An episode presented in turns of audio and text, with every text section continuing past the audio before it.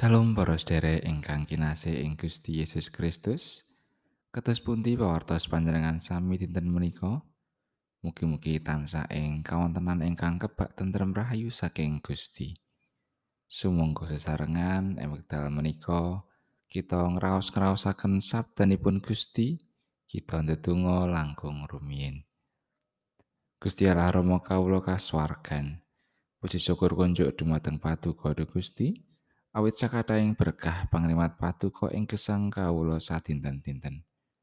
Sakmenika kawula nyawisaken manah kawula saperlu badhe nampi sabda pangandika paduka.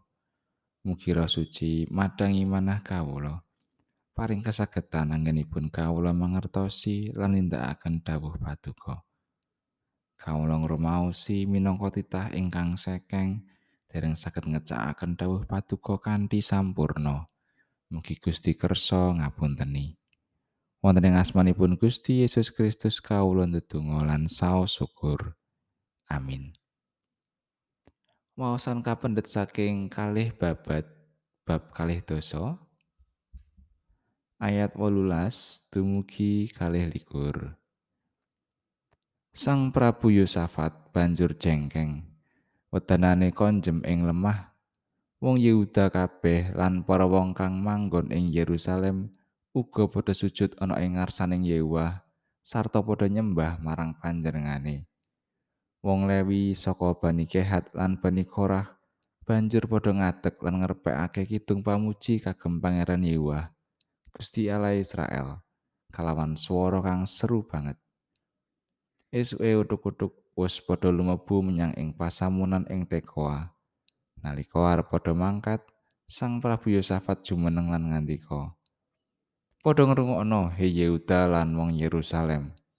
Sira padha pracaya marang Pangeran Yewah Gusti Allah lan sira bakal padha tetep santosa. Padha pracaya marang para nabine lan sira bakal padha oleh gawe." Bareng wis mundhut pramrayogane rakyat, Sang Prabu banjur ngangkat wong kang bakal padha ngrepekake kekidungan kagem Pangeran Yehuwa sarta memuji marang Pangeran Yehuwa kalawan nganggo sandangan suci kang mencorong.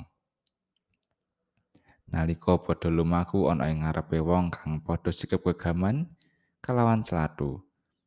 Padha ngrepekno kidung panuwun kagem Sang Yehuwa. Awit sih susetyane iku langgeng ing salawase. Bareng padha wiwit surak-surak lan ngrepekake kidung pepujian. Pangeran Yewah banjur karya wadyabala cegatan tumrap Bani Amon lan Bani Moab. Sarta para wong kang saka ing pagunungan Seir kang padha arep nempuh Yehuda satemah padha disorake.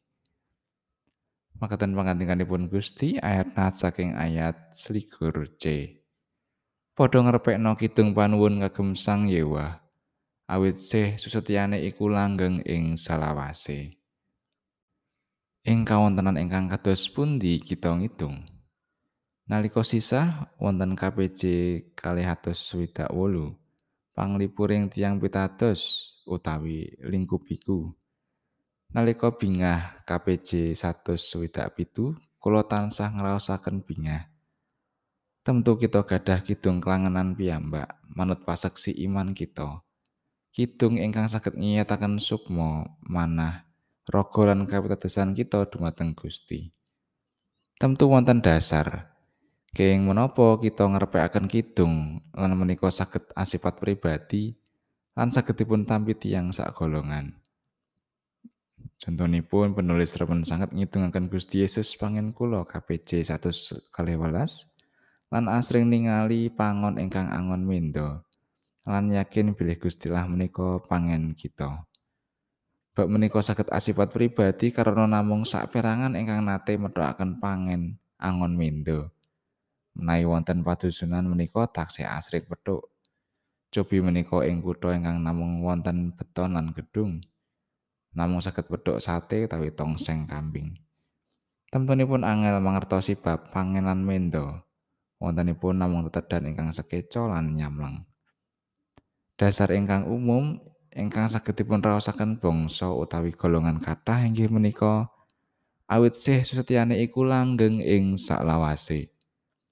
Saben pribadi umat ngraosaken awit sedaya ing ngancam bebaya saking bangsa Moab lan Amon. Ngantos Sang Nata Yosafat dawuh Yehuda sami siam kangge sesarengan ngunjukaken panuwun saha panyuwunan dumateng Gusti supados kepareng mitulungi umatipun. Saestu, Gusti Allah kepareng nyembadani panyunaning umatipun lan ngersakaken umat supados sami kendel mawon. Gusti Allah piyambak ingkang perang kalian wadyabala ingkang ageng menika. Nata Yosafat nyawisaken lan ngangkat tiyang ingkang badhe ngrepekaken kekidungan. Papujen ingkang lair saking manah ingkang ikhlas lan luhur tansah nuwuhaken berkah. Amin.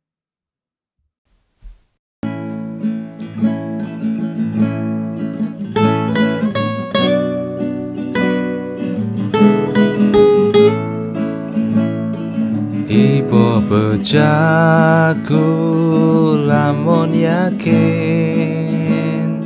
Yesus tuwe ku ing salamanyo Aku tebusan kagungane Anyar uripku krono rai Aku memuji klayan reno Gunggung asmane salamanyo. Aku memuji klayan reno Gunggung asmane salamanyo